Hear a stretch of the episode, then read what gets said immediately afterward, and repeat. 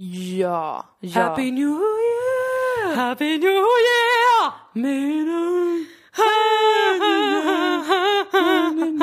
Ungefär så kommer vi prata i podden. Ja, det tror jag. Ja, du känner det? Absolut.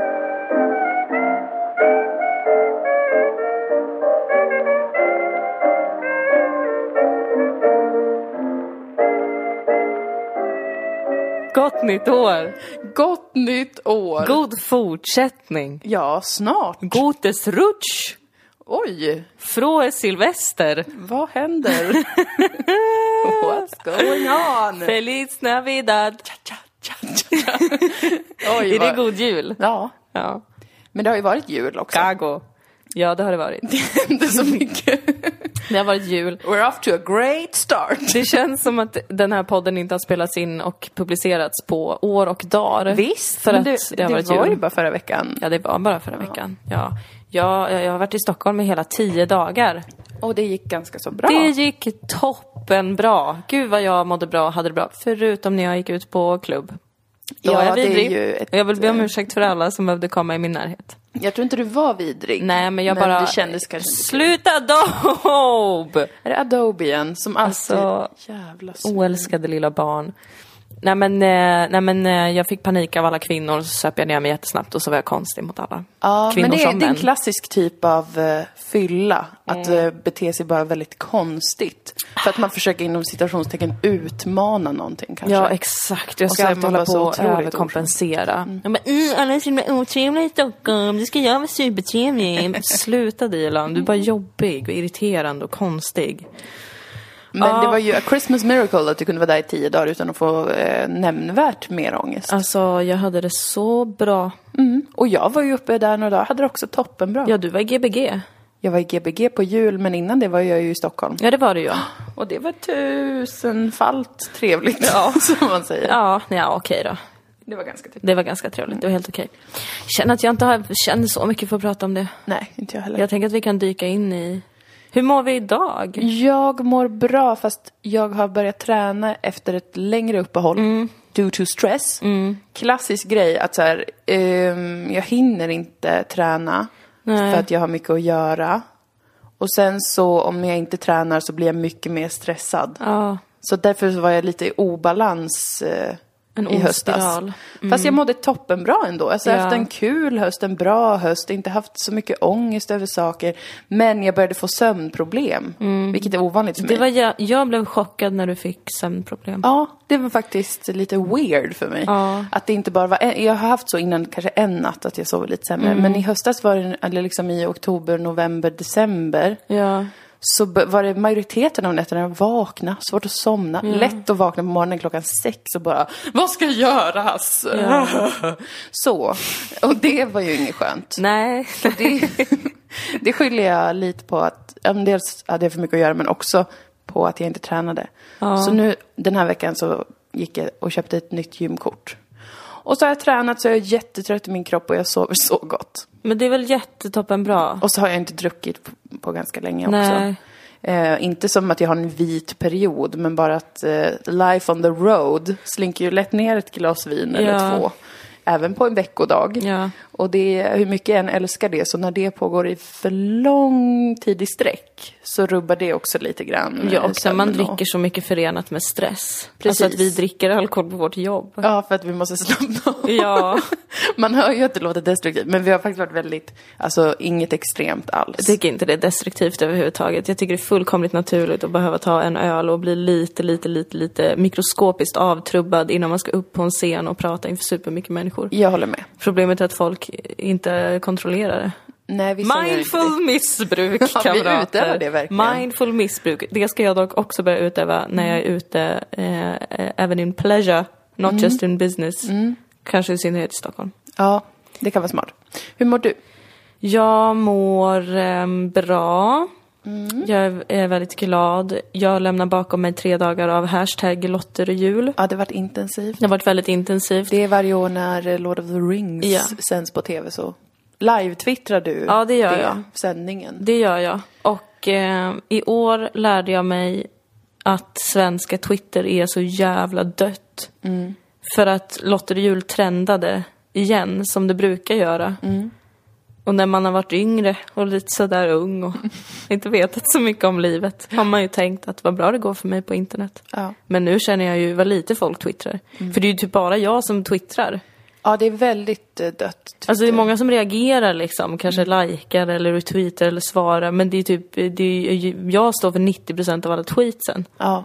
Det är ju underligt att den hashtaggen kan börja trenda då. ja, lite faktiskt. Det är ett dåligt betyg till eh, Twitter. Ja. Även fast det är ju ändå ett bra betyg till dig. Ja, för jag får MVG i twittrande. Ja, det får du. Av mig själv och jag har dig. njutit. Ja, ja, jag hoppas det. det var, ibland var det svårt för att jag blir så känslosam när jag tittar på filmerna att jag har svårt att och liksom Känns som att folk vill att man ska vara lite vitsig på internet nu för Ja, tiden.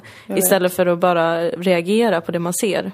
Och ibland så bara tittade jag. Mm, Och, bara drabbades. kände och drabbades. Alltså Gandalf.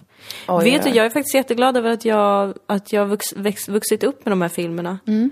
Även om de är skrivna av en vit gubbe som bara porträtterar män, Mm. som mest är vita. Äh, vilka, underbara, vilka underbara karaktärer. Ja, det kan det ju vara ändå. att växa upp med Eowyn. Ja. Hon är en sån förebild. Hon är allt alltså, som en kvinna är. Svag, needy, jobbig, olyckligt kär, också stark Ja. dödar riktigt vidriga monster. Mm. Tar saker i egna händer. Yes. Tar inte ett no for an answer. Nej. Jag ska också kriga. Jag ska också älska. Gud vad bra hon är. Mm, toppen.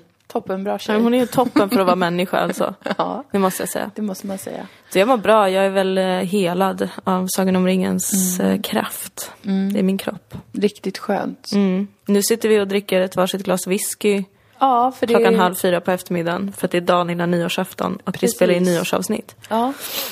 Det är tradition. Ja, det är som bara har tradition. varit ett år tidigare. Ja. Men eh, det får vara, det får bli det nu liksom. Det får bli det. Det får bli det. Vi har ju också bett om frågor, eh, as per tradition, Yes. eh, till det här avsnittet. Ja. Allt man undrar om oss, om vad som helst, Mm. har folk fått skicka in. Så svarar vi på det och samtidigt utvärderar lite grann året som gått. Ja men precis, intressant. Ja, Mm, väldigt precis. vackert beskrivet. Toppen, väldigt alltså. vackert beskrivet. Eh, och vi hade ju, vi sa ju också i senaste livepodden som var i Stockholm, tack alla som kom. Ja, det tack. var underbart trevligt. Det var det verkligen. Alldeles så bra. Eh, att vi skulle eh, ta upp några av dem som vi inte hann med nu. Mm. Eh, det kommer vi ju inte hinna för att vi fick in rätt mycket frågor ändå. Ja, vi fick in jätte, jättemycket. Ja, Så att det blir svårt att få med allting. Men Ja. man får fortsätta. ja kom på livepoddarna, fortsätt och sådär. Men vi har Mm. ett, ett problem som vi ändå vill läsa upp. Ja, från livepodden sist. Ja, för att det var så himla kul. ja. Vill du, vill du läsa? Du kan få läsa. Okej. Och det är också en fråga då involverad i detta som Ja, vi det ska är det svara på. Då är det namn eller alias Mallan som skriver mitt i natten när jag skulle gå på mitt rutinbesök på toaletten så fann jag mig i situationen att dörren gick i baklås. Jag och min sambo var alltså nu inlåsta i vårt egna sovrum. Här var jag inlåst i mitt sovrum, klaustrofobisk som aldrig förr och superkissnödig. I två timmar försökte vi nå hyresvärden innan vi till slut ringde polisen. Vart fan ringer man? Det hela slutade med att jag fick kissa i mitt fotbad som jag hade i sovrummet på grund av extrem kissnödighet. Min sambo blundade. Sen hällde jag ut kisset via fönstret. Vi bor två våningar upp. Så att lukten inte skulle förgöra oss innan polisen kom och låste upp. Det är en sån himla, himla jobbig situation. Alltså, det här är ju en fruktansvärd situation Mallan som du har behövt vara med om. Men när jag läste det så tänkte jag också, är inte detta något som alla sambos borde gå igenom tillsammans? Som en eh, förtroendeövning. Ja. Ja. För att du behöver kissa framför den du älskar. Vissa har ju en grej för det dock. Ja, absolut. Men Så om man inte ingen- har det. om man inte har det, precis. Det är en stund av panik om man inte är kåt utan man verkligen bara behöver kissa. Då är det ju en ganska stark upplevelse kan jag tänka mig. Ja, det kan binda Av intimitet. närmare. Ja. Verkligen. Eh, så jag hoppas att du och jag och Maria, som en första ritual, Att vi blir inlåsta i rum ja, och blir tvungna att kissa i panik. din kille kan låsa in oss. Och sen sitter vi där tills var och en måste kissa. Och vi har förberett ett fotbad. Ja, det måste vi ju ha. Annars blir det ju... Alltså om hon inte hade haft det. Ja, var smart att inte plocka undan efter sig, måste jag säga. Ja, verkligen. För att det är sällan man har ett st- sånt stort kärl Ja, hemma i sovrummet. varje människa borde göra som förr i tiden och ha en potte under sängen. Ja, det tänker jag också Ja. är ganska så smart faktiskt. Faktiskt. Så man är förberedd. oh, tänk förr i tiden när de hade det, det luktade kiss jämt. Ja. Alltså, men då bodde man ju inte. typ också med djuren. Ja, man tänker jag. bodde I ett stall. och bajs och det var liksom, åh. Allt var, det var så normalt. Det var så luft luktade. Ja. Ja, ammoniak. Men vem ringer man? Man, ringer, man får väl ringa polisen, tänker jag. ja. Eller om man har en jättestark vän, eller Ja. en kriminell vän som kan bryta sig in. Ja, som inte har ljudlös på mobilen på natten. Precis. Ja, då är det ju att föredra en kriminell vän snarare än bara en stark vän. Verkligen. Någon som att, har eh, en burner phone kanske, Ja. som alltid är på. Precis, och som har små redskap så den kan fippla upp alla lås och sånt Ja, där. exakt. Och inte är så himla... Nej men oj, vad... Ska vi göra... Är inte det farligt? Nej, det får en inte vara någon som ringa. tönt, utan det måste ju vara någon som är hands-on. Ja. Och sen bara kommer hem och styr upp det. Ja. Men annars så tror jag att det är ju, det är väl polis, eller? ja, det är väl polisen. Jag hade också ringt polisen. Jag, Jag tror jag också hade gjort ambulans. Eller kanske... Det måste brandkår. Lås... Brandkåren! Mm, då får man gå ut genom fönstret. Ja. Och känna sig som en katt Fast i ett jobbigt. träd. också jobbigt för brandkåren att rycka ut med sådana stora, Slangar. ja, blåljus. Ja, det är, det är svårt. Men man får väl ringa lite sansat bara. Mm. Ringa och säga hej, det är ingen panik, men Men skulle jag ni kunna komma? Kissa. Ja, precis. Ja. Det är någon, s- eller ringa hemtjänsten. Mm. Eller låsjouren. Det är kanske det mest logiska. Absolut. Det skulle kunna vara något. mm, någon som kan bryta upp lås. Ja, men då skulle den behöva bryta upp portlåset om man bor i lägenhet, sen dörrlåset, sen sovrums... Men det måste väl polisen Ja, det också måste ju göra? De har polisen ju också inte nycklar göra. till allas dörrar väl? Hoppas inte. Har inte svenska polisen det? Ja, mycket... Nu sjunker mitt förtroende. Ja, det kan man ju inte bli räddad i princip. nu känner man sig inte säker överhuvudtaget i det här samhället faktiskt. Nej men utmärkt löst eh, tycker jag ändå om Allan. Mm. Och vilken upplevelse tillsammans. Ja, Att kissa framför varandra i en icke-sexuell situation, Mm. full av panik. ja ni, ni kommer att hålla ihop länge på grund av, Jag om inte det. annat, det där. Jag tror det. Ganska så vackert. Det skulle kunna vara Poetiskt. en rom-com. Ja, jag börjar skriva där. på den nu. Du gör det Ja, just jag gör det, det just ser nu. det. Att du börjar sitta och anteckna. Ja, jag bara måste anteckna så fort jag får en Ja. idé alltså. Jag börjar Sån är skriva jag. manus direkt. Ja, jag visst jobbar alltså. så. Vet du att ingen idé är en dålig idé? Jag skriver ner allt. Ja, allt, allt, allt. Ja, jag är imponerad alltså. Spiskummin. Wow! Skriver ner det. Skriv det nu. Ja, trollformel. Skriver ner det. Skriver ner allt, vet du. Jag är så imponerad. Ja, men konst, det är svårt. Det är ett arbete. Mm. Ja, Okej. Ska vi hugga in på lite frågor Mm. här som vi har fått? gott nytt år för helvete hörni. Nu håller vi igång energin här. Ja, alltså fan. jag, jag är ledsen att jag har lite låg energi. Men jag eh, kompenserar gumman. Bra. Don't you worry. Ska du börja då med någonting? Här har Lovitz skrivit på Instagram. Mm. Vi har några frågor här hemma. Hur ska ni lösa det med städschema, matkassa och sånt kollektivrelaterat? Städområden, hur ofta? Ska alla handla mat till alla? Och så vidare. Jag vill också be om ursäkt för att jag smaskar lite konstigt. Jag har ingen kontroll över min kropp. Nej, nej. Men låt oss svara på frågorna. Ja. Ehm, Ja, hur har- vi ska lösa det helt enkelt i kollektivet. Ja, jag har ju tänkt eh, att vi bara ska se om det går att lösa det organiskt. Ja. Att det växer fram för att vi alla tre är kvinnor som har pryglats av samhället till att ta mycket ansvar Ja. för oss själva och andra.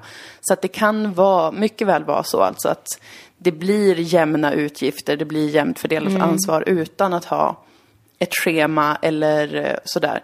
Sen får man ju komma överens om hur ofta man vill städa för att man ska må bra hemma. Ja, jag tror att sånt är svårt att, bestämma i förväg. Ja. Jag tänker att man får vara öppen för kanske ett par månader av, av eh, ett mindre kaos. Mm.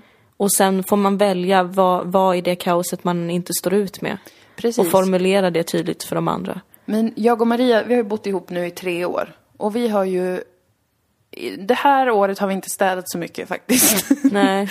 För att dels har jag varit borta ganska mycket och hon har varit borta ganska mycket. Ja. Så att vi har inte gjort någon så här stor städning. Men vi Nej. dammsuger och torkar av ytor och gör en snabbstädning av handfat och liknande. Mm. När man känner att det ser lite grisigt ut. Det behöver ju inte ta lång tid. Nej. Och då blir det ju lite så att den, man märker ju att den andra har gjort det. Och då nästa gång så gör man själv det. Mm. Vi har aldrig haft ett städschema eller mm, någon sån här ekonomisk plan för maten och sånt. Mm. För att det bara har blivit av sig själv så att man känner, man, man skulle inte stå ut med att den andra har lagat middag tre dagar i rad och betalat för det. Det skulle typ aldrig hända. Nej. Eller om det skulle hända så skulle det vara så här, okej, nu får du aldrig mer laga middag förrän jag har gjort det tre gånger. Men jag till tror, exempel. Ja, men jag tror att fördelen för, för oss ehm, ju är att vi, att vi, ju är så goda vänner i grunden och, och, och vill ta hand om varandra. Mm. För vi har ju, och det har vi pratat om innan, att vi, det här är ju inte bara en lösning för att vi ska ha någonstans att bo, utan det är ett aktivt val. lösning, ja. ja men precis, att vi, att vi vill leva tillsammans. Då tror jag att sånt kan, eller min förhoppning är att allt det där kan eh, ge sig ganska naturligt snarare än om, om vi hade varit bara tre personer eller bekanta som måste ha någonstans att bo och Ja, som, då inte, är det en annan sits. Eh, och som typ, inte lever tillsammans liksom. Mm. Alltså, då kan jag verkligen fatta att man behöver dela upp grejer och ha, kanske ha ett schema och så. Ja, visst.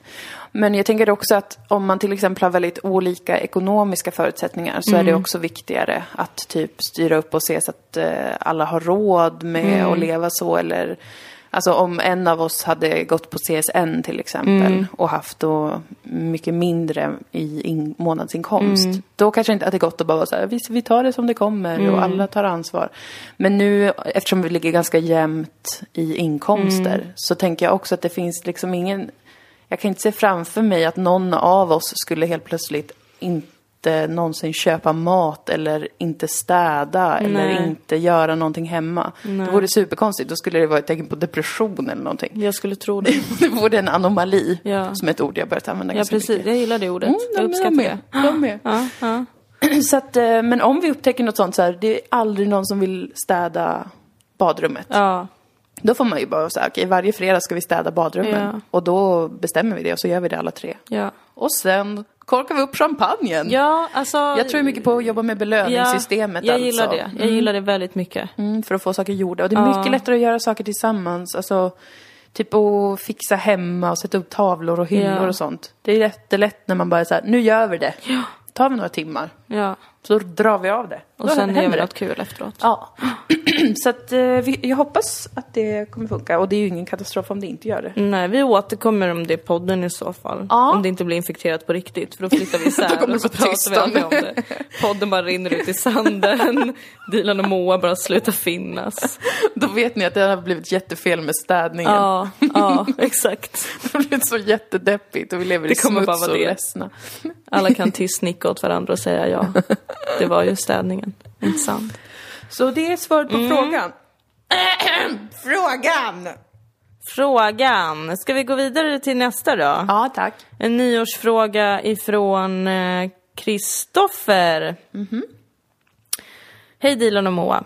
Först vill jag tacka er för det här året. Er podd har gett mig många skratt och tillfällen av igenkänning. Se fram emot nya avsnitt 2017. Glad smiley.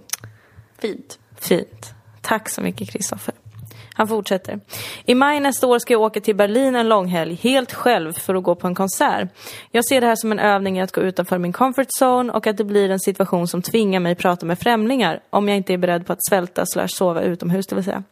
Jag har någon grad av social fobi och tänker alltid på allt som kan gå fel när jag reser utomlands slash mer än 40 mil hemifrån. Min förhoppning är att det i alla fall ska bli lite kul och inte bara vara en ren och skär mental stressövning för x antal tusen kronor. Jag har aldrig rest utomlands själv och känner mig helt handikappad när det gäller att ha semester. Då jag har tagit för lite semester under det här och föregående året måste jag börja ta ut semesterdagar nästa år. Ilandsproblem, skriver han. Annars hade jag antagligen bara åkt in samma dag som konserten och flugit tillbaka tidigt dagen därpå. Nu har jag ingen aning om vad jag ska göra de övriga dagarna innan slash efter konserten, bortsett från att strosa runt planlöst. Är rädd att jag kommer sitta och trycka på hotellrummet och bara vänta på att dagarna ska vara över. Frågar därför er som varit i Berlin i år om ni har några tips på vad jag kan göra eller vilka sevärdheter jag bör besöka i staden. Skulle ni ha några generella råd för en sån här resa, tas de emot tacksamt. Gott nytt år på er. Hälsningar Kristoffer. Detsamma! nytt år! Gott nytt år för fan Kristoffer! Och vad trevligt du ska ha det. Om du inte har det så gör det ingenting. Nej, det gör faktiskt ingenting. Alltså, man, jag, jag, jag, man är så hård mot sig själv när man ska resa, va? Man måste uppleva så jävla mycket. Man är inte alltid på humör att uppleva saker. Det spelar väl ingen Nej. jävla roll att man är i en annan stad för helvete. De ska väl inte behöva tvinga fram någon jävla social eh, eufori hos dig? Nej, Nej. nej, nej, nej. Du måste känna efter mycket alltså. Ja. Och sen är ju mitt tips, ha internet. Alltså för det här är någonting Ja. som, som jag är lite så här en föregångsperson med. Ja, det är du. Att jag här internet till min telefon när jag reste till ett annat land. Ja. Och då kanske många tänker, eh, vad dyrt. Det är inte så dyrt. Det Nej. kostar kanske 150-200 spänn för några dagar. Ja. Det är liksom, om, om man har nå- någon sån här med pengar, Mm. en rimlig inkomst, så är inte 200 kronor så mycket. Sett till vad man får. Ja. För har du internet så kan du söka upp, om du är i ett område så kan du snabbt kolla om det finns kanske matställen, kaféer eller eh, gallerier eller vad du än är sugen Mm. på. Så ha internet. Vi lever inte på 90-talet, det kostar inte 7000 kronor att ha internet Nej. när man är i ett annat land. Nej, det är sant. Det är mitt första tips. Ehm, mitt andra tips är ha med en liten anteckningsbok och en penna. Det är ett trick jag brukar göra. Mhm. Eh, så verkar man svår och kreativ Mm. när man sitter själv och man plötsligt drabbas av den här starka paniken i att nu tittar alla på mig, de ser att jag är ensam, Mm. de tror att jag är konstig och inte har några vänner. Då bara, oj vad händer nu?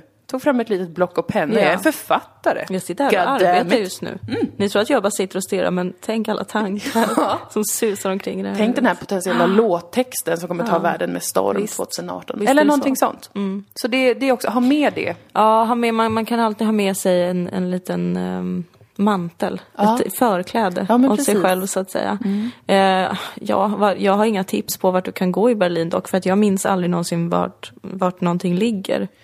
Nej, och tycker- jag tycker inte så mycket om stora städer. Nej. Det var trevligt i Berlin, men jag blir också så stressad när allt är så stort. Ja, det är ju lite, man får ju lite stresspåslag helt klart. Ja. Ehm, Men eh, Mustafas Gemüse kebab måste Ja. du till. Jag har ju inte Definitivt. ätit det. Nej, vi gick aldrig dit och det skäms jag över jag skäms också över det, det var det enda. För att det var fantastiskt. Det är, det är wow alltså. Och var, bli inte rädd om du behöver stå i kö länge för att det är värt det. Ja. Ta det från en som har varit där. Ja, just det. Och jag köade länge. Mm. Och det var värt det.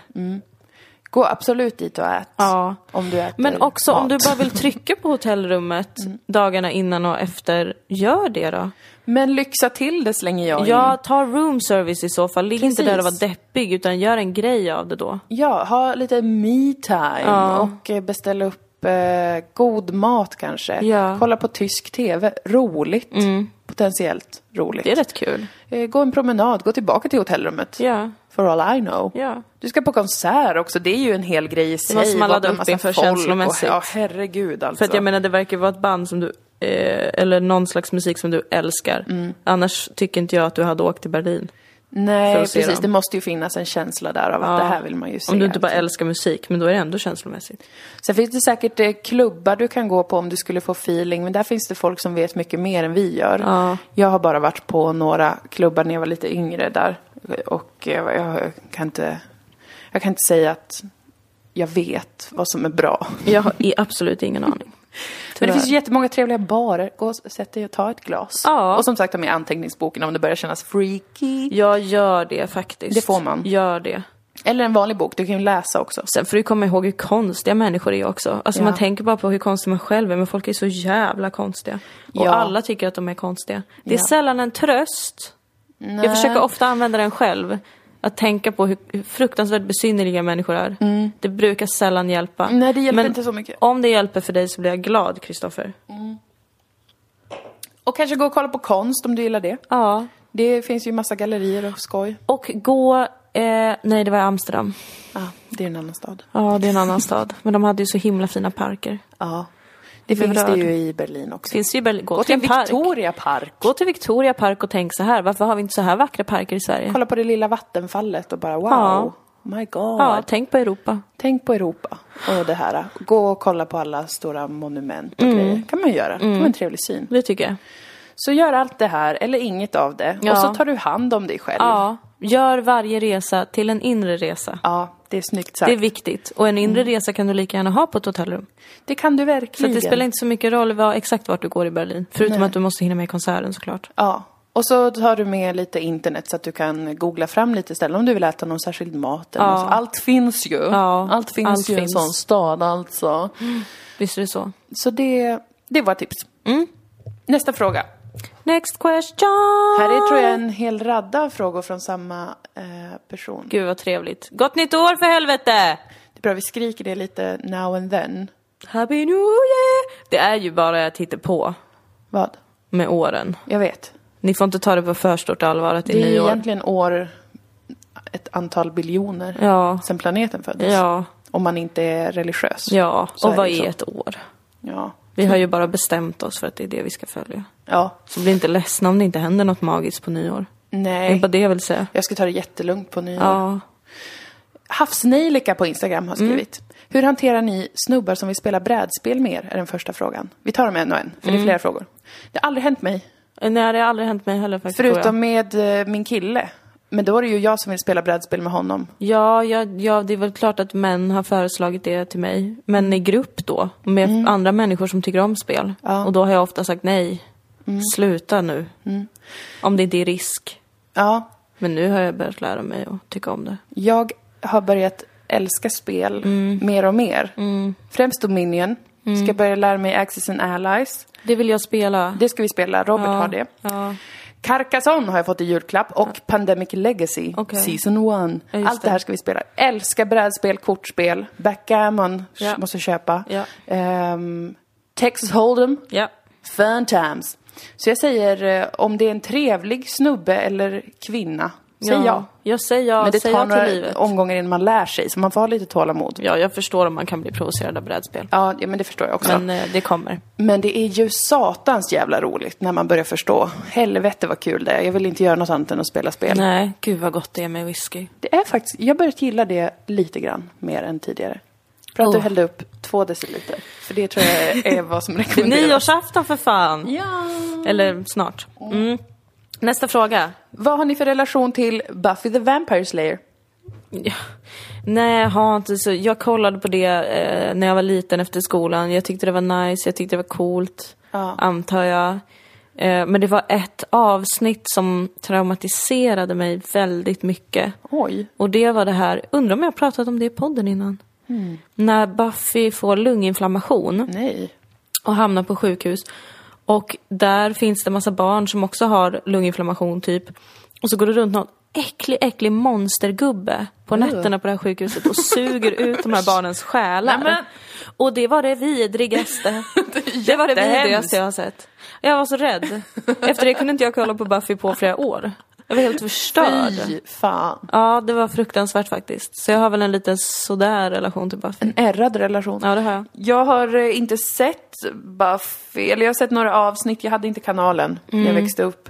Och sen har jag inte, jag kanske ska se det faktiskt. Ja. Jag söker efter något att se nu, jag har bara kollat på så här, Skönhetsfällan, du är vad du äter. Men det är kul ibland. Och sånt, för jag orkar liksom inte med någonting som jag inte exakt känner till Nej. Just nu. Men det, det kommer nya tider sen och då kan jag tänka mig att jag ska kolla på Ja, men Buffy jag har faktiskt funderat på att kolla på Buffy ordentligt. Då kanske vi ska göra det när vi flyttar in. Ja, vi kanske får göra det faktiskt. Jag tror inte Maria heller har sett det faktiskt. Nej. Det blir jättekul. Ja, det blir roligt. Potentiellt, vi får ju se. Vi ja, kanske vi får se. det. Exakt, vi återkommer, antar jag. Sen frågar också Havsnejlika, vilket horoskop känner ni spontant att jag har? Bara baserat då nu på de här frågorna. Jaha, mm, ingen aning. Gör ditt bästa. Kanske kräfta, jag vet inte. Vattuman. Jag säger då kräfta för att du sa vattuman Ja. och sa kräfta först. Och jag Ja. kan inte de här grejerna. Nej, jag, kan, jag vet inte heller. Hör gärna av dig och se om det stämmer. Ja, gör det. Nästa fråga. Fast från samma person. Ja. Hur pissigt var 2016 egentligen? Är det bara en meme-grej folk hakat upp sig på eller var det sämst i världen cirka någonsin ever? Och det var ju inte bra. Nej, det hände ju mycket omvälvande saker i våran bubbla. There is a disturbance in the force. Wow. Men det tror jag inte har med 2016 att göra. Nej, politiskt har det ju hänt väldigt mycket. Det har ju varit, eh, för, för våran del här i Swedenborg, har det ju hänt mycket på ett sätt som det kanske man inte har upplevt det var så nära tidigare. Nej. Och levt skyddat litet liv under Ja. många år. Så att det börjar att, att den internationella politiken börjar själva in i, i vår värld. Gör ju att det känns som att det är mycket, mycket mer dramatiskt. Ja, och jag, tr- jag tror också att 2016 det har ju påmint ganska mycket det här året om, om tidigare, ändå ganska närliggande. För jag tycker ändå att många har eh, refererat till 90-talet, både 2015 och 2016. Och det tror jag gör att det känns ännu mer vidrigt. Det är en grej att jämföra det med typ medeltiden, det kan man ändå inte relatera till. Men det finns så många som kan relatera till 90-talet. Och som kan uh, återuppleva den smärtan. Och se det komma igen nu. Med nazisterna och med bara hur det ser ut i Kurdistan och hur Turkiet beter sig också väldigt retro. Men ändå ganska närliggande retro. Av saker som jag har märkt i alla fall. Ja, Men, det har, men alltså samhället har ju, jag har nog aldrig varit så provocerad av samhället i mitt liv som jag varit 2016. alltså verkligen, i somras var jag ju superdeppig. ja, men då hade du jobbat på tankis också hela Ja. våren. Så då blir man ju också mer stuffed Mm. med nyheter och grejer. Men också att det, att, att det är så himla mycket skitsnack. Att det är så himla mycket skitsnack i media. Att det är så mycket som är, så mycket som man inte kan lita på tycker jag. Nu, ty, väldigt mycket just nu. Ja, alltså jag, jag har ändå, det är ju inte jag den första med, men jag har härlett ganska mycket till alltså, sociala medier då. och hur vi använder dem i våran vardag och hur de ehm, plattformarna hjälper till väldigt mycket med att forma vår, våra världsbilder. Att det skapas väldigt stängda kluster där man tar till sig olika information. Eh, och som sp- spelar väldigt mycket på känslor hela tiden. Det är väldigt, väldigt känslostormigt. Att folk känner hela tiden asmycket och blir rasande och blir ledsna, är förbannade, är kränkta. Att det är ett enormt liksom eh, känslomässigt, rent politiskt. Ehm, och att jag tänker lite att det, det tempot, det vet jag att vi har pratat om någon gång tidigare också, att jag tänker ibland att det tempot, att ta till sig nyheter och information i ett väldigt högt tempo och ha flöden, där det dels är utvald information, som man kanske inte alltid dubbelcheckar eller läser mer om, men man tar till sig liksom destillerad information från ett ganska utvalt, eh, en utvald riktning som den kommer ifrån. Det tror jag, jag tror inte, all- alltså jag, jag känner lite som att man blir lurad när man håller på. Om du förstår vad jag menar. Alltså jag Ja. menar inte att förringa någons känslor, det är inte det jag, jag far efter. Nej. Men jag menar bara att den här, det är som att ha ojämnt blodsocker. Att det pikar jättesnabbt, sen dippar man Ja. jättesnabbt. Det blir så jävla, jävla, eh, man hinner inte stanna upp och fundera, vad, vad handlar det här om? Vad har det för eh, rötter? Vad kan jag läsa mer om det här? Vad, vad finns det för kontext till detta? Det känns som att så enormt mycket som händer är helt eh, utan kontext, utan sammanhang. Man känner jättestarkt, sen går man vidare och ingenting händer. Verkligen. Egentligen, förutom att vi dräneras på känslor. Verkligen. Det är som att man blir mjölkad, eller att folk blir liksom mjölkade på sina affekter. Absolut. dag ut och dag in. Och det är ju bara det man ser, så behöver det absolut inte vara. För det verkar ju samtidigt också som att folk kanske stänger av mer och mer Jag tror då. det. Jag, men jag tror att, eh, jag håller med dig fullständigt. Men jag tror att vi också är i en, en eh, eller att vi är i många övergångsfaser just nu. Stora övergångar. Alltså med övergången från, från eh, eh, vad ska man säga, det verkliga livet till det virtuella livet.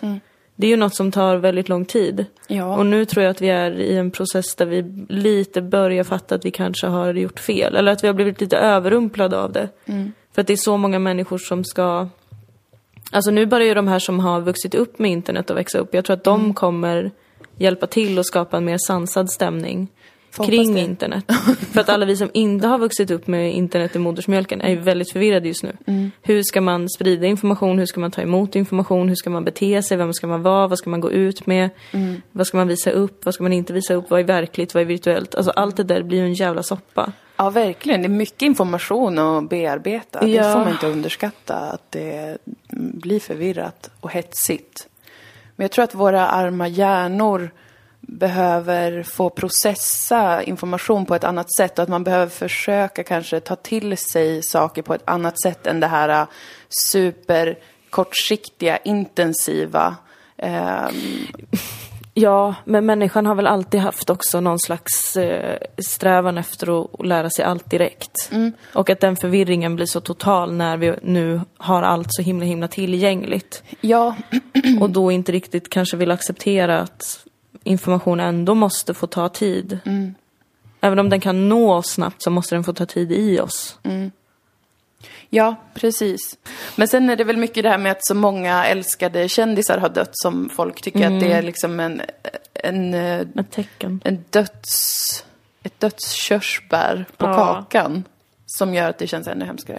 Men och jag- det är ju supertragiskt. Ja, det är När jättetragiskt. folk dör. Jag blir inte så förvånad över att så många dör eh, när, när samhället är så sorgligt. Du tror att de har självdött av ångest? Nej men jag tror, jag tror att genuint att vi blir, att vi blir påverkade av den, av den världen vi lever i. Och att allt är väldigt intensivt just nu ändå tycker jag. Ja, men jag tänker också att de, alltså, de här stora, Bowie och Prince och eh, Leonard Cohen och alla de här.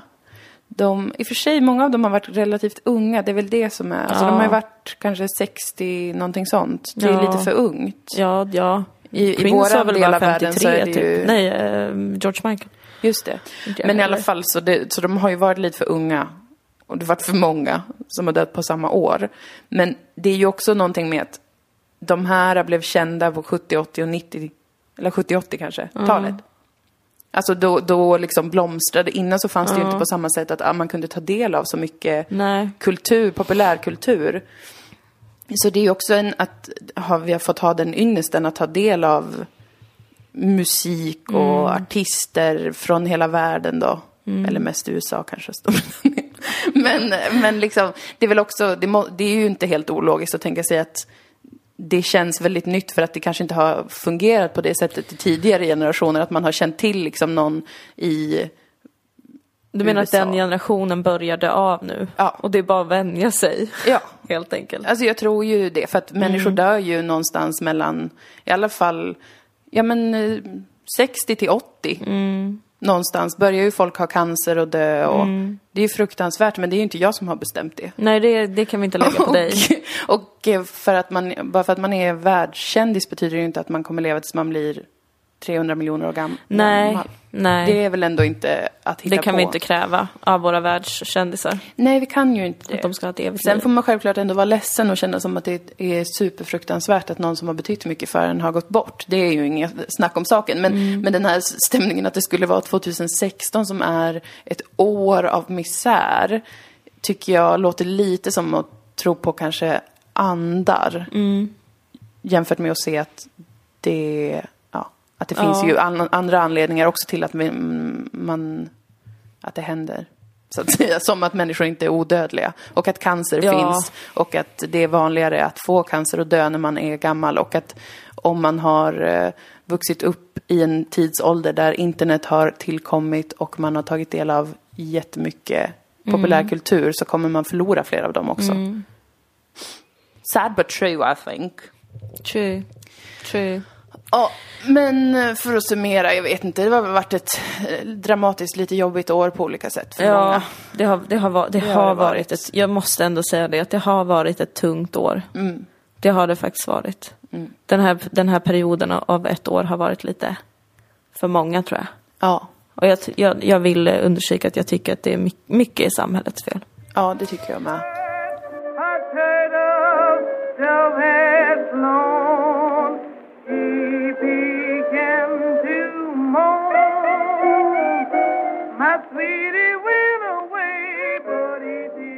Ska vi läsa nästa fråga? Ja. Det är från alias kluven as fuck. Hej kära Dilan och Moa. Jag har en relation med en man som är 30 år äldre än mig, är 20. Trots att vi båda förstår att vi inte har någon framtid tillsammans då jag vill ha barn och någon att bli gammal med och så vidare så kan vi inte låta bli varandra och har nyligen kommit ut till mina föräldrar, haha. Min fråga är, slösar jag min tid med honom eller ska jag fortsätta leva i nuet med honom ett tag till? Jag mår ju så bra med honom just nu och vill inte börja leta efter någon att spendera min framtid med ännu. Kära kluvenes fack. Så länge du gillar människan, var med den. Ja. Men alltså jag förstår ju att de här tankarna sätts igång. Ja. Men problemet är, hade du, du, jag är säker på att även om du hade träffat någon annan som var 20 år så hade du kanske fortfarande eh, haft en känsla i ditt liv att någon, jag vill ha någon att bli gammal med och få barn med. Mm. Men de tankarna tror jag aktualiseras snabbare Ja. när man träffar någon som är 50. Fastän det kanske inte ens hade varit aktuellt. Nej, alltså även om det är 20 något man känner ju- kanske man inte hade gått runt och tänkt på det på samma sätt. Nej. Plötsligt blir det som att man måste bestämma sig. Ja, precis. Det, det tänker jag också. Och det är, det är, det är, det är, det är inte bra. Du ska inte behöva, man ska inte bestämma sig för sådana där saker. Men gud, du är fertil i 20 år till. Ja, Det är helt cool the beans. Du ska vara jätteglad och lycklig över att du har, du har träffat någon som du känner som du känner för. Ja, kul! Och att din familj, som jag tycker det verkar, eh, inte har opponerat sig mot det här. Nej. För det kan jag också tänka mig skulle kunna vara ett problem. Ja, visst. Om man drar hem någon som är 30 bast äldre liksom. Jag tror att det är många föräldrar som hade bara, nej du, vänta här nu. Ja, det tror jag också. Eh, och det kan vara jättesupertufft Mm. att bli kritiserad för vem man älskar. Så att eh, jag tycker att du njut av detta Ja, och njut. håll ut. Man, jag tror heller eh, aldrig att man slösar sin tid. Jag, jag tycker att det är en, en formulering som eh, vi inte behöver förkasta men som vi behöver använda mycket, mycket mer sällan. Ja, alltså om man trivs och det känns bra och det är en person som man, man gillar, man lär sig av varandra och man är kamrater. Då vore det ju jättekonstigt att inte vara med den. Ja, Det finns väldigt få i den här världen som är bra. Så man hittar någon sån, go! håll hårt i den. Sen vet man ju aldrig. Nej, Och framtiden du får väl har avgöra. nog fortfarande ingen aning om, och han har nog fortfarande ingen aning om vil, vilka ni är för varandra i det här livet. Jag är ju väldigt, otroligt mycket en sån som tror på andar. Ja. Jag tror ju väldigt mycket på att vi alla, att vi alla har något att ge varandra. I stort och smått, som vi möter i Alltså livet. vi har andar att ge varandra. Nej, men vi har känslor och insikter. Nej men det, det, det, ni, ni har mötts, ni, ska, ni tycker om varandra, var med varandra. Det är Ja. inget konstigt. Det är inget det är bara konstigt. samhället som tycker att det är konstigt. Eh, och det är bara samhället som får dig att tro att du måste bestämma dig för Samhället detta är själv askonstigt. Samhället är så Burn. jävla Så konstigt. att eh, man behöver inte ta kritik från samhället. nu. Nej, det behöver man absolut så inte göra. ofunktionellt och pinsamt Ja.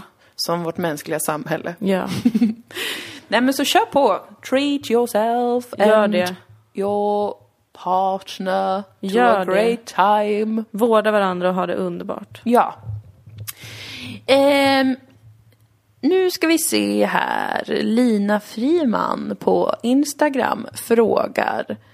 Varför tror killar att man flörtar när man bara försöker vara en trevlig medmänniska? Har hänt mig x antal gånger under min livstid.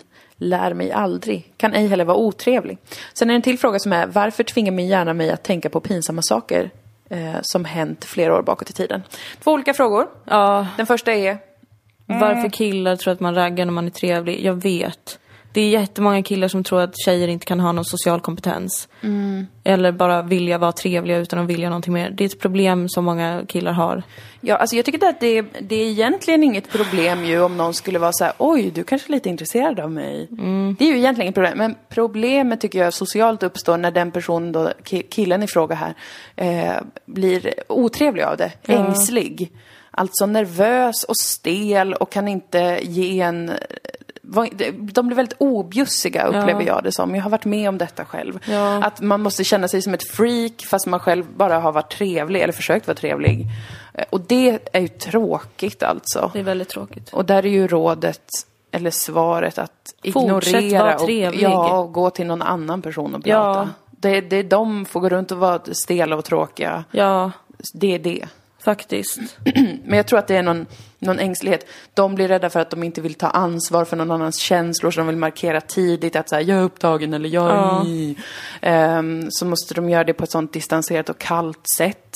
Istället för att vara lite trevlig och sen se att okej, om hon säger rakt ut, vill du följa med mig hem? Ja. Då kan man säga, du, nej. Jag Men det där tycker jag alltid är ett tydligt tecken på vilka killar man står ut med i livet. Vilka killar som inte är helt färdigutvecklade än. De kan man låta vara i några år och sen bli superbra kompis med när de har förstått att eh, tjejer är komplexa varelser som eh, kan vara glada och trevliga utan att ha ett syfte, det vill säga att föda hans barn.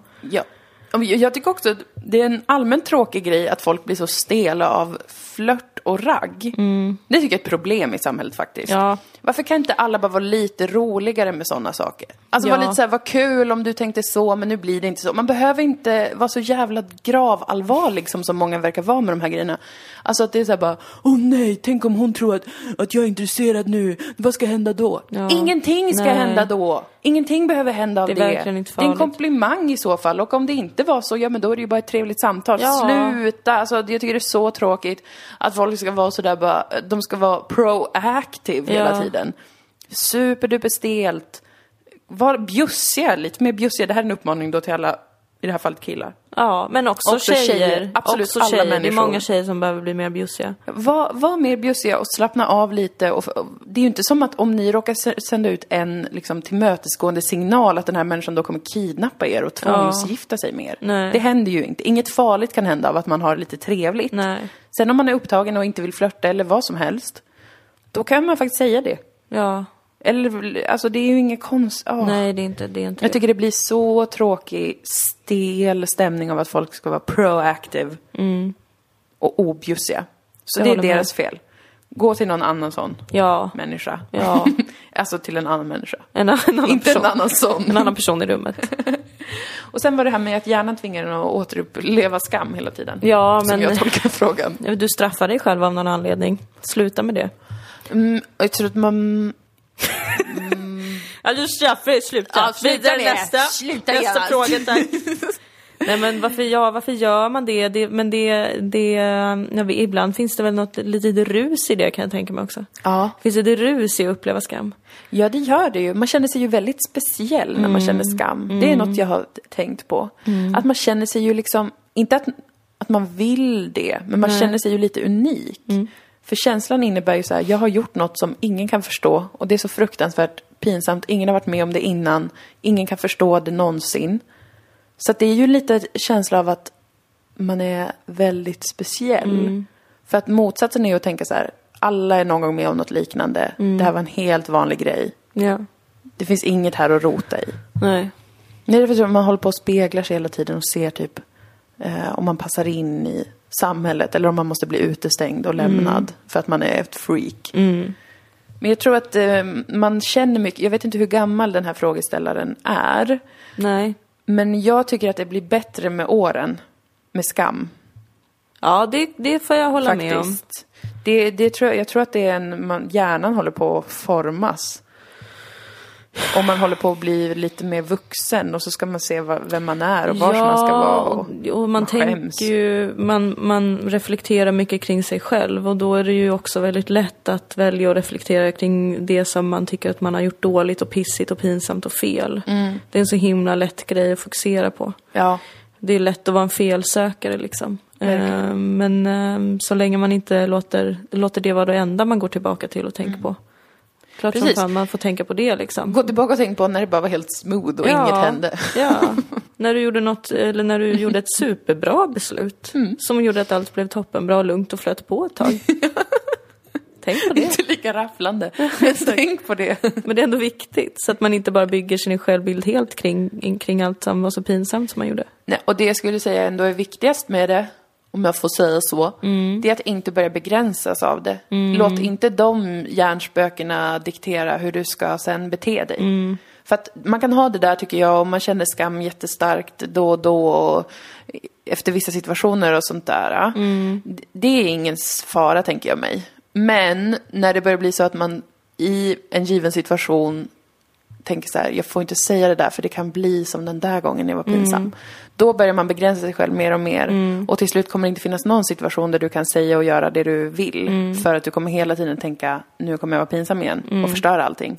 Gud, det har, det har varit 2016 för mig. Om vi ska koppla det till året. Ja. Jag har känt mig jättepinsam jätteofta. Du har sagt det men jag kan liksom inte ta in det för jag förstår Nej. inte riktigt hur det är möjligt bara.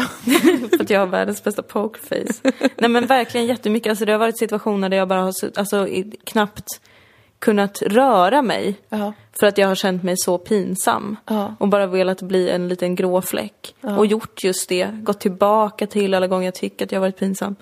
Tänkt att det jag säger är pinsamt, det jag är är pinsamt. Och då, det, det, det är väldigt lätt att att dyka in i det. Men jag dök också in i det medvetet. För att jag visste att det, därför, att det alltid finns ett litet stråk av det. Precis som vår frågeställare. Att man ofta minns tillbaka till de sakerna. Och att jag börjar tröttna på det. Ja. Jag vill aldrig någonsin känna mig... Varför skulle jag runt och känna mig pinsam? Det är jättekonstigt. Ja. Varför ska jag tänka så på mig själv? det är helt absurt. Det Men att dyka in i det var ju väldigt eh, påfrestande. Ja men det kanske var någonting där att hämta då. Jag tror det. Emotionally. Det tror jag verkligen. Ofta så är det ju så att man, Ja. man förstår inte riktigt varför man helt plötsligt är i något slags state of mind. Men sen kanske ett tag efter så förstår man att det gav en någon info om en Mm. Om själv. själv. Och det är ju ganska ballt att det kan funka så med, med ens skalle. Jätteballt. Det är bara lite jobbigt ibland. Men Ja. gud så ballt det. Det är ju jävla, jävla coolt, men ja, absolut jobbigt när man börjar känna sig förlamad. Alltså det är så också eh, social fobi utvecklas ganska mycket. Alltså att man, jag ska inte prata som att det är helt allmänt, jag talar utifrån egen erfarenhet. Men att i eh, fler och fler situationer så börjar man vakta vad man säger.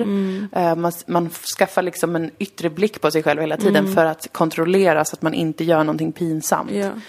Och det blir ju outhärdligt. Ingen skulle ju klara av att sitta och ha en, typ en jury som eh, utvärderar varje mening man har sagt. Nej. Och hur to- ens ton var och hur ens kroppsspråk var. Det klarar man ju inte.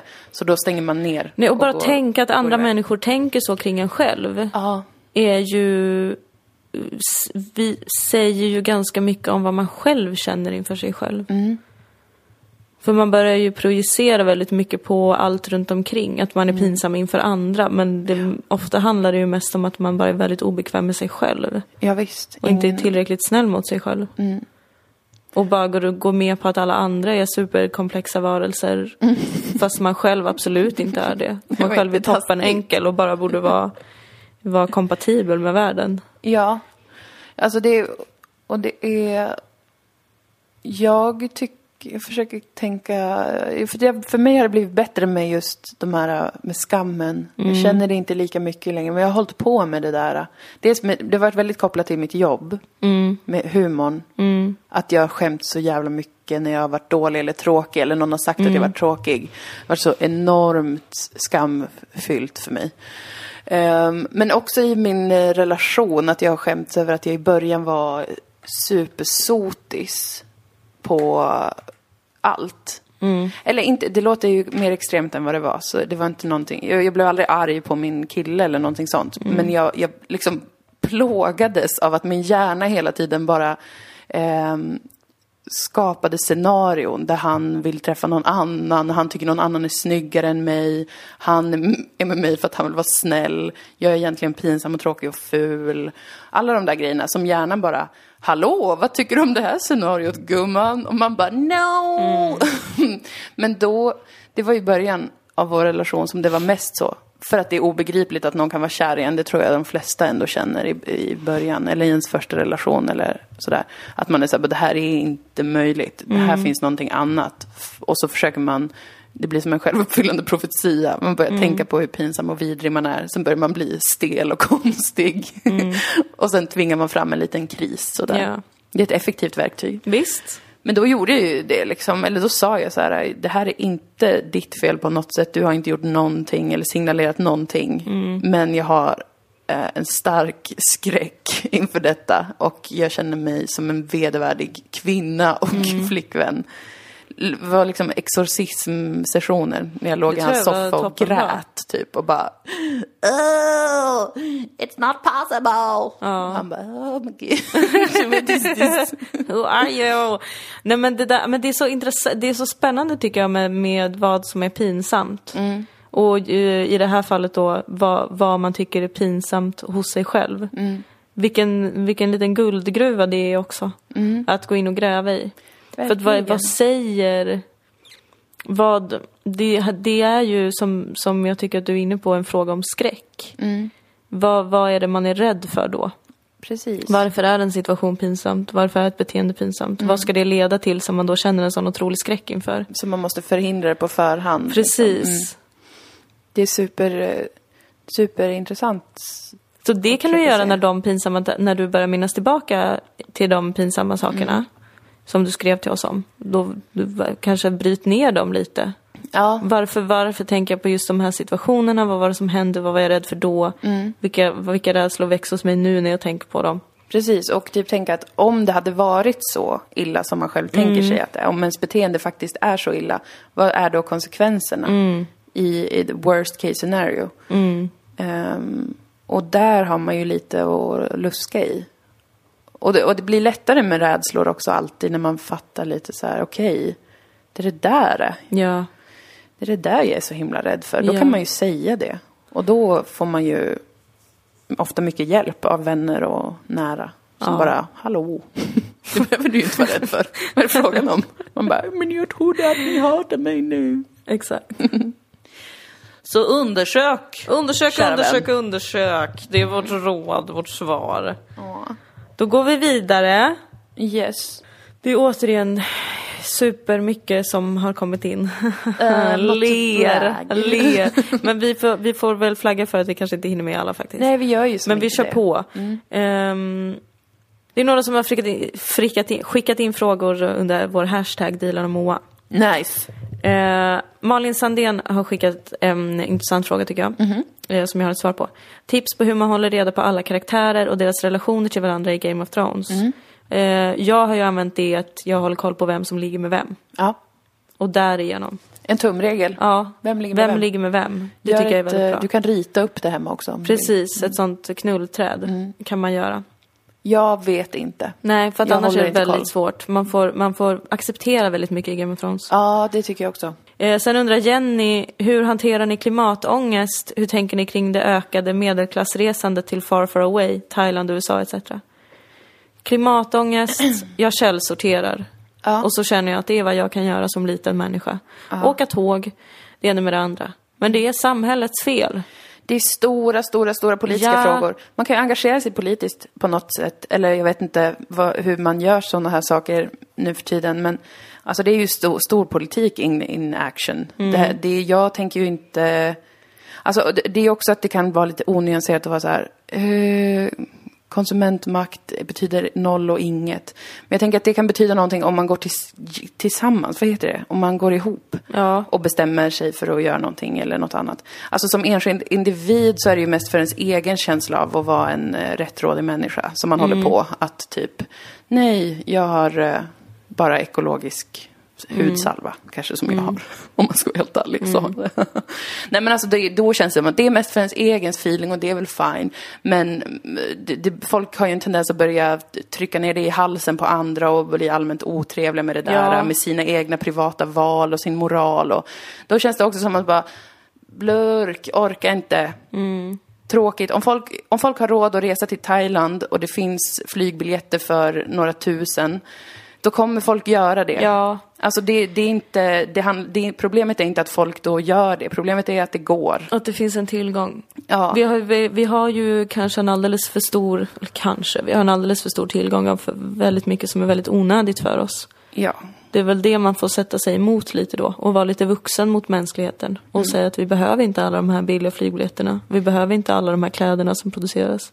Nej, och det kommer kosta om man ska vända liksom, så att säga, trenden. Ja. Så kommer det kosta oss alla ändå. Vi kommer ändå få betala för det på olika Ja. sätt. Vi här är inte lika mycket som de som kommer behöva fly och redan fly från sina hem för att det översvämmas och är åt helvete. Sen vet du vad jag tänker också? Nej. Att jag visst, jag tänker en tröstande tanke som är att jorden har väl också sina årstider så att säga. Mm. Det har varit en istid, sen har vi väl haft lite vår och nu börjar sommaren. Är du klimatförnekare? Så du tror att det bara är liksom jorden som andas? Ja, jag, jag har lite bestämt mig för att tänka så också. Samtidigt som det alltså är väldigt viktigt för mig att källsortera och äta vegetariskt och så vidare och så vidare. Jag, jag, eh, jag tänker personligen alltså att man kan ju göra det man kan för att det känns bra för en själv, men var medveten om att det är för att det känns bra för dig Ja, själv. ja, och att det handlar om stora ekonomiska, politiska frågor alltså. Internationell politik. Det handlar om så massiva förändringar som behöver genomföras för att det ska bli bättre. Ja. För att klimatet ska kunna, trenden ska kunna vändas. Stora jävla reformer och lagar. Strikta jävla lagar i varenda land på jorden. Och det går ju för att i år såg jag något på internet om att eh, koldioxidutsläppen eller något har stannat av. Vad bra. Eller det har slutat öka tror jag. 2016. Tack vare att Kina har slutat med någonting. Kina ska ju försöka ställa om till grön förnybar Ja, energi. Alltså till, det var ganska snart de ville ha det fixat. Så det var, och Tyskland håller ju Och på. det har redan börjat ge effekt Det är alltså. ena med det tredje. Ja. Jag tror att det kommer växa fram en stor ny eh, miljöaktivism. Mm. Jag ser det koka. Jag ser det hända. Ja. Jag ser folk som eh, börjar engagera sig mer och mer och inte genom att vara så här, jag äter bara veganskt Mm. för miljön, utan folk som kommer liksom Ställa krav. go mental with it. Och det ser jag fram emot. 00-talisterna. Ja, då är frågan om vi ska ta en sista då. Ska vi se här vad klockan är. Ja, en, en sista. Ska vi ta en från Fejan kanske? Ja, det kan vi göra, det tycker jag. Då har vi fått ett mejl från Sara. Eh, hon skriver, en av mina närmsta vänner och jag har liksom format varandra sedan tidiga tonår och tycker lika i princip allt. Alltså större värd- värderingsmässiga grejer, inte direkt favoritmat och så vidare. Så när vi då inte kan hålla med varandra så blir det konstigt och dålig stämning och vi vågar liksom inte tjafsa om det som man hade gjort med vilken annan person som helst. Har vi en osund vänskapsrelation? Och hon skriver också, kan ni inte prata lite om ifall ni haft något bråk eller skulle bråka, hur skulle det gått till? Hmm. Vänskap! Vänskap. Favorite subject. Jag tror att det är lätt i vänskapsrelationer att tänka att det här är en trygg hamn där allt ska vara som jag är. För att man tycker om varandra. Och så kommer det aldrig vara. Nej. Och det får man acceptera med varje vän. Det tror jag faktiskt att man måste acceptera med varje vän. För att med varje vän så blir man kär. Och så tänker man du och jag, vi är så lika. Eh, det kommer man ju aldrig någonsin vara. Det måste man alltid inse. Nej, och jag undrar vad de här då, sakerna de inte håller med varandra om. Om det är lite så större grejer då. Alltså om det är politiskt eller om det är i relationer. Det vet vi ju inte riktigt. Men jag, jag Men jag tror att vi båda har upplevt båda fallen med Ja. olika vänner. Ja. Eller inte politiskt direkt. Det har jag. Ja, det har fan inte jag. Vad är jag för människa? Jag har bara umgåtts med folk som har identiska åsikter som mig. Du har haft tur gumman. Ja. Nej men det är ju, alltså det är ju, det är klart att det är, det är, det är, det är lite knepigt men jag tänker också att kan man, inte, kan man inte diskutera med sin vän som man älskar och som älskar en tillbaka då tror jag heller inte att man kan diskutera sunt med människor eh, som man inte känner. Nej. För att du måste alltid i en diskussion kunna ha en... eh, Du måste alltid ta en annan människa i en diskussion på allvar och dess åsikter och värderingar även om du inte håller med om dem. Och kan man inte göra det med en vän eh, så tror jag att det blir svårt. Ja. Men då måste man också våga möta det hos en vän. Och det är också svårt. Att vara så här, hej jag håller inte med dig om den här grundläggande saken. Ah, är det slut mellan oss nu? Precis. Nej, det är det inte. Mm. Jag tror också att med nära relationer så, så väldigt ofta så är det fler saker inblandat. Låt säga att det gäller en värderingsfråga eller en politisk Mm. fråga som man diskuterar och så fram, framkommer det då att man har olika eh, syn på vad nu börjar fyrverkerierna nu är det nyår i. Malmö. Eller så blir någon skjuten, man vet aldrig. Ja. Eh, nej men om det är någonting sånt, Mm. politik eller annat. Anledningen till att det ganska snabbt kan bli väldigt känslosamt, kanske för att man känner starkt för frågan. Mm. Men sen tillkommer det vissa dimensioner av alltså ens relation. Mm. Och att man blir otrygg. Eller som du säger, att man, man blir, man drar väldigt stora växlar på det och därför blir Mm. det kanske mer obehagligt. Och därför tror jag kanske att ett bra sätt är att våga ha olika åsikter såklart. Mm. Och prata om dem. Men att man också kan säga i det att Mm. så här, jag känner mig stressad nu till exempel. Eller Mm. jag upplever det som att du är arg på mig nu. Eller som att du liksom eh, försöker attackera mig på något sätt. ja. Är, avläste jag det fel? Eller du vet, att man försöker sortera i en diskussion eller i en debatt vad som är väldigt känslomässigt Ja. och kopplat till relationen och vad som handlar om sakfrågan. För egentligen Ja. skulle man ju kunna ha en jättehetsig debatt om någon politisk fråga utan att det är någonting annat. Och att man bara säger, ja vi tycker olika. Jag tycker så här och jag vet att jag har rätt. Och den andra säger samma sak. Och sen är det klart.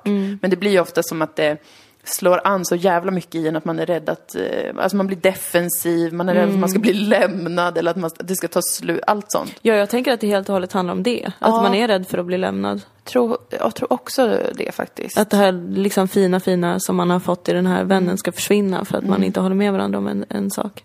Precis, och då tror jag att det, det kan vara värt att testa det, att gå in i det och prata om det, fast också då fokusera på varför man blir så otroligt stressad och varför Ja. det blir så dålig stämning och, och vad, vad man är rädd för, helt enkelt. Exakt. Och prata om det, för där finns det ju ganska mycket att prata om i relationer generellt. När man blir rädd, helt enkelt. Ja. Som kanske ofta är mer intressant egentligen än en Ja. politisk fråga. Ja, Eller, inte mer eller mindre, men det kan ju vara... minst lika intressant. Ja, jag tycker personligen att det är mycket mer intressant. Jag tänker också på en ganska intressant grej som jag har tänkt mycket på som, som hände oss. Eh, men då, det var inte bara du och jag, utan det var vårt liksom eh, tjejgäng kan man väl säga. som hade en eh, ganska härlig eh, glansromantisk period där vi alla fann varandra. Vi höll med varandra om allt, vi, kunde, vi snackade om allt och vi var alla en väldigt, eh, vi alla var i ganska lika situationer i livet. Alla var lite nya på något sätt eller annat. Vi var Malmö. nya för varandra, vi var nya i Malmö, vi var, eh, alla var singlar. Mm. Ehm, och sen så började ju, eller livet fortsatte att pågå. Mm. Man hamnade i relationer eh, av olika slag, olika situationer där det börjar framkomma att allt det som vi har pratat om tidigare kanske inte är, är sanningar ristade i sten. Nu kanske man vill agera annorlunda, man gör andra val än vad man kanske har gett uttryck för att man skulle ha gjort innan. Och det upplevde jag blev som en, en väldig chock mellan oss alla. Att något var fel. Eh, hade vi glidit ifrån varandra? Var det här bara liksom något som var kul ett tag och nu är vi helt olika personer? Att man blir så himla himla chockad över att vi verkligen är olika människor, att vi inte är en organism tillsammans i den här vänskapen. Ja, precis. Och att det kan vara superläskigt. Ja, visst, och det, speciellt när man har byggt, eh, i en sån situation när man har byggt sin samhörighet Mm. på yttre omständigheter mer, mer kanske. Mm. Eller primärt så här, vi är i den här situationen allihopa. Mm. Typ vi alla singlar. Olyckliga singlar. Mm. Och det tar en stor del av samtalen och av det man håller på med eh, i sin vänskapscirkel. Då om det då förändras så är det så här, okej, men vad finns kvar då? Så får man lite panik typ och försöker kanske behålla det så. Någon blir arg för att någon blir ihop med någon eller du vet. Det, det blev ju som lite sådär. Ja, men det blir ju en frustration för att man helt plötsligt känner att de här människorna som, som jag var en sån enhet med, plötsligt förstår jag inte dem. Och så blir man superfrustrerad. Fastän allt egentligen är helt i sin ordning. Ja, precis. Det är bara livet. Ja. Och då, det är ju svårare sådär när man, är, när man är ett gäng med folk. För att då har man ju olika individuella relationer till alla. Plus att man har en relation till grupp, gruppen. Så om man inte har haft ett sånt solidt gäng så länge så tänker jag att det väldigt ofta blir så att man, man uppgår i en slags gemenskap och sen så uppluckras den, kanske ändå finns kvar på något sätt och sen så blir det någonting nytt och sådär. Så att man hinner ju sällan reda i exakt så här, bara, vad, varför kände du så där, varför gjorde jag så där och så. Det är ju lättare på ett sätt i en, liksom en vänskapsrelation där man är två. Då kan man ju ändå ta mer tid till att bara, okej, vad hände nu? Varför blev det så där? Men när man är ett litet gang, då blir det ju väldigt snabbt eh, så att man drar sig undan lite istället. Men det finns mycket att lära av det där, av när det Väldigt där mycket. uppstår. Så att jag tror att det är bra att, jag tror att det är givande. Jo, det tror jag Och med. ja. undersöka vad man Ja. gör och vad man Ja. blir eh, sådär stissig och defensiv av. Vad man reagerar på i livet helt enkelt. Jo. Och vi då, har vi haft något bråk? Nej. Nej, inget som jag skulle definiera som ett bråk. Ingenting som klassar in. Nej, det har, vi, det har vi inte haft. Nej. Jag undrar vad det innebär. Men jag tror att vi säkert kommer bråka med varandra. Alltså om inget annat så när vi bor ihop liksom. Det, det är ju inte omöjligt. Alltså, Men för att vår relation har ju också ändå kretsat väldigt mycket kring jobb. ja det har det ju varit. Och vi... Där är vi ju... Men det är ju också spännande vad som är jobb. För att ja, det vårt går ju jobb in lite... mycket i allt annat. Men jag har ju också... För jag tycker ändå det är intressant att vi inte har... Men för mig är ju det här det liksom. normala. Mm, Jag har ju aldrig nästan bråk, bråk, som jag tänker att man definierar bråk. Mm. Alltså att man blir arg och inte vill prata med den andra förrän den har sagt förlåt eller Mm. man själv, eller du vet så. Det händer, har nog aldrig hänt. Jag har haft så här rough patches med alla mina nära vänner. Mm. Att man glider ifrån varandra inom citationstecken. Alltså att man inte tar tid för varandra. Och Mm. det beror på olika saker. Man blir nervös och ledsen och kanske lite stingslig och sur. Men för det har vi ju typ haft. Ja men att det kan vara lite så här eh, distanserad feeling ibland. Ja. Det, och det för mig är ju, det är ju inte ett bråk liksom men men det är där jag brukar vara och rota i mina Ja. relationer. Så här, Okej, varför, varför blev det sådär nu? Varför reagerade jag typ stelt på det där? Eller blev sur lite grann? Ehm, så jag har ju inte riktigt det upplägget med någon att det blir så här äh, att man typ skriker till varandra eller blir arg. Ja. Liksom. Jag blir ju alltid ledsen. Vilket är ganska, kanske ganska krävande. Men så då blir jag så här, okej jag blir ledsen om någonting är stelt och jobbigt under en period. Ehm, och jag kan vara irriterad typ. Det har ju hänt. Jag är ju ingen liksom, avtrubbad person som aldrig kan känna någonting åt det hållet. Men, men jag, jag har inte bråk på det sättet. Jag har mer så här känslourladdningar. Att någonting blir sämre och sämre under en period. Sen så laddas allt det ur i någon så här katarsis. Ja. Att den ena blir ledsen eller den ena blir arg på en fest. Eller du vet, någonting Ja. sånt skulle kunna hända. skulle kunna spå att det skulle kunna hända. Att jag blir stel på en fest och går hem och så sen efteråt fattar du att det var någonting som du hade sagt. Ja. Den typen av situation kan jag se skulle kunna hända. Men vet du en sak som jag tror, för att jag, jag har tänkt på det här ganska mycket. Min kära vän Moa Ja. Lundqvist. Att det ändå har varit så pass lugnt eh, mellan oss. Fastän vi ses nästan varje dag. Yeah. Och jobbar tillsammans och samtidigt har en vänskapsrelation även utanför det. Mm, Och jag, jag, mm, jag, nej jag vet inte vad det kan vara. Jag, tän- jag tänker att det kanske är att det har fått ta sån tid. För att vår relation har ändå tagit en evinnerlig tid, tycker jag. Ja, det har ju inte Även varit fast den sån här- började för länge sedan. Ja. Den har ju fått mala på. Ja, precis. Den har fått puttra, puttra på. Du är också väldigt bra på gränser, tycker jag.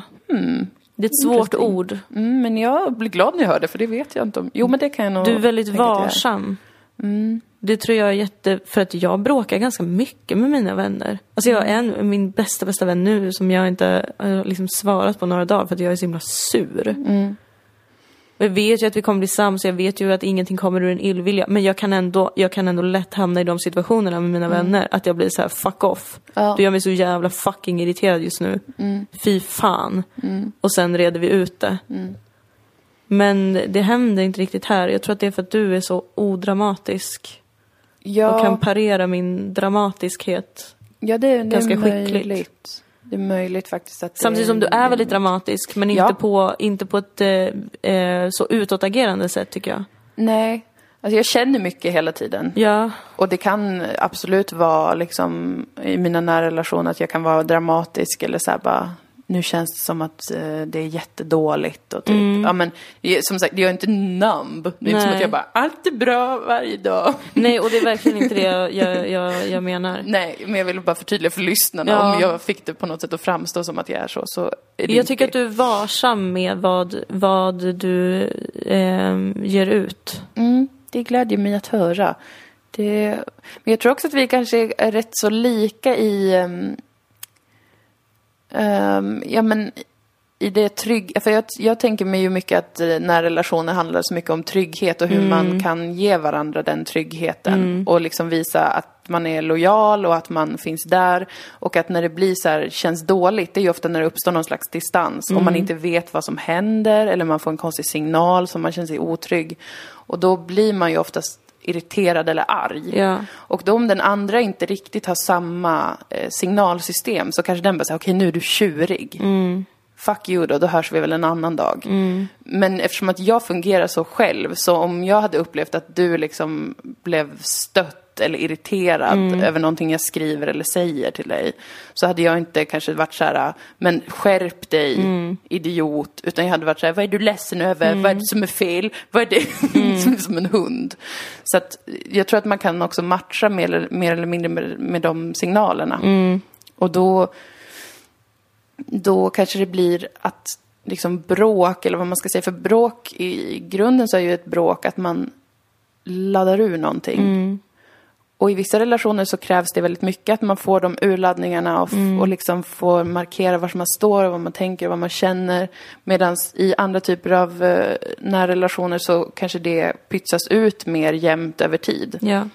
Ehm, så att den totala summan kanske ändå är lika. Ja. Alltså i hur man känner sig förbisedd eller något sånt där.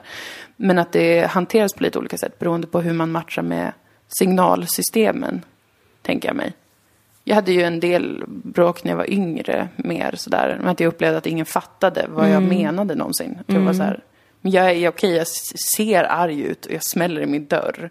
Men ni måste ju förstå att jag är bara otrygg. Eh, och då blev det ju mycket mer sådär explosivt ändå. Men något som jag också tror eh, hjälper oss. Ursäkta att jag eh, verkligen njuter av att analysera vår vänskap nu.